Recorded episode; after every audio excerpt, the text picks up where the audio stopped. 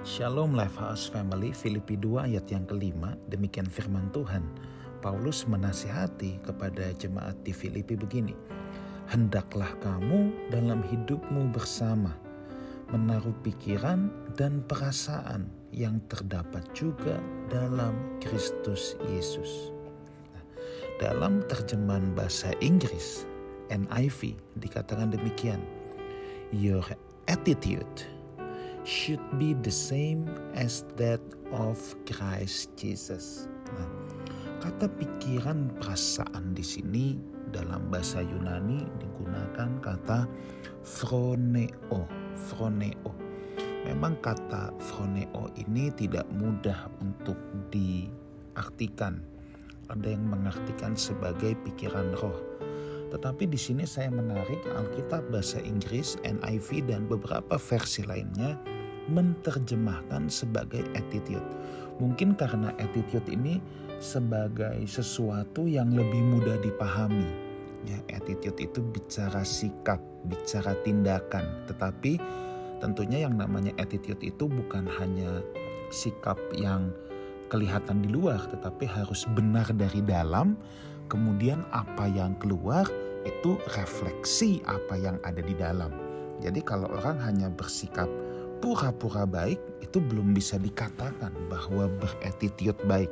Tetapi attitude dalam hal ini harus merupakan uh, produk dari apa yang ada di dalam. Nah, kalau kita bicara attitude, saudara Charles Swindoll, salah satu pengkhotbah terkenal, beliau almarhum berkata demikian. The longer I live, the more I realize the impact of attitude on life semakin lama saya hidup atau semakin panjang saya hidup, saya semakin menyadari bahwa pengaruh attitude itu sangat besar, saudara.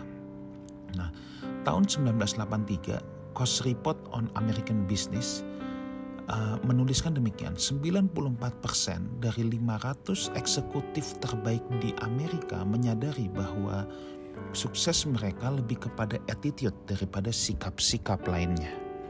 The Carnegie Institute Survey itu dari Institute Carnegie yang cukup terkenal di Amerika juga dilakukan terhadap 10.000 orang survei menyatakan bahwa kesuksesan mereka hanya 15% yang disebabkan oleh technical training.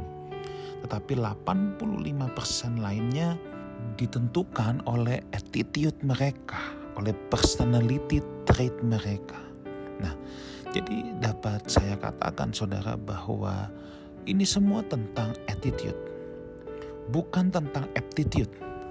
Aptitude itu adalah kesiapan, kemampuan natural that will determine your altitude in life. Jadi altitude itu adalah ketinggian. Jadi ketinggian hidup kita atau kualitas hidup kita itu bukan ditentukan oleh uh, kemampuan-kemampuan alamiah kita, tetapi oleh attitude kita. Kenapa attitude menjadi begitu penting atau menjadi aset yang sangat penting? Sebab begini saudara, sebenarnya dalam hidup ini hanya 10% yang bicara what happens to me. 90% lainnya itu how I react to it. Jadi hanya 10% yang apa yang terjadi terhadap saya tetapi 90% lainnya adalah bagaimana saya memberikan respon atau reaksi saya apa. Contoh, contoh. Saudara ditipu orang, saudara difitnah orang. Ya, saudara disangkakan hal yang buruk kepada diri saudara padahal saudara tidak melakukannya.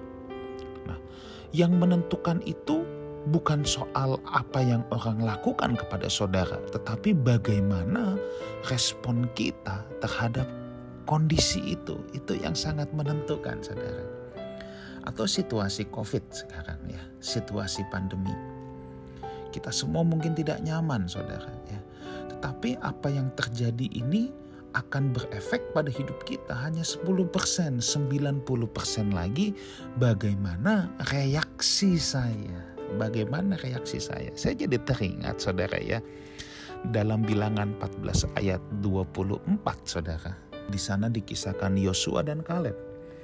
Jadi Musa mengutus 12 pengintai ke Kanaan, negeri yang Tuhan janjikan untuk bangsa Israel. Faktanya di sana memang ada orang-orang enak pemakan manusia yang sangat mengerikan saudara. 12-12-nya menemui fakta yang sama. Tetapi reaksi mereka yang menentukan hasil akhirnya, attitude mereka yang menentukan hasil akhirnya. Sepuluh memilih menyerah, tetapi dua Yosua dan Kaleb ya justru melihat dengan kacamata attitude yang baik dia melihat janji Tuhan untuk bangsa Israel. Itulah sebabnya memang life is 10% what happens to me and 90% how I react to it. Hidup itu hanya 10% sebenarnya apa yang terjadi, 90% lagi bagaimana saya bereaksi. Saya berdoa, Life House Family, kita sama-sama belajar terus kebenaran firman Tuhan supaya kita memiliki attitude yang terdapat di dalam Tuhan Yesus Kristus. Bukan persoalan apa yang terjadi di sekeliling kita, tetapi persoalannya ketika hal itu terjadi di depan mata kita, bagaimana Yesus merespon. Itulah juga kita harus merespon. Tuhan Yesus menyertai kita semua. Haleluya.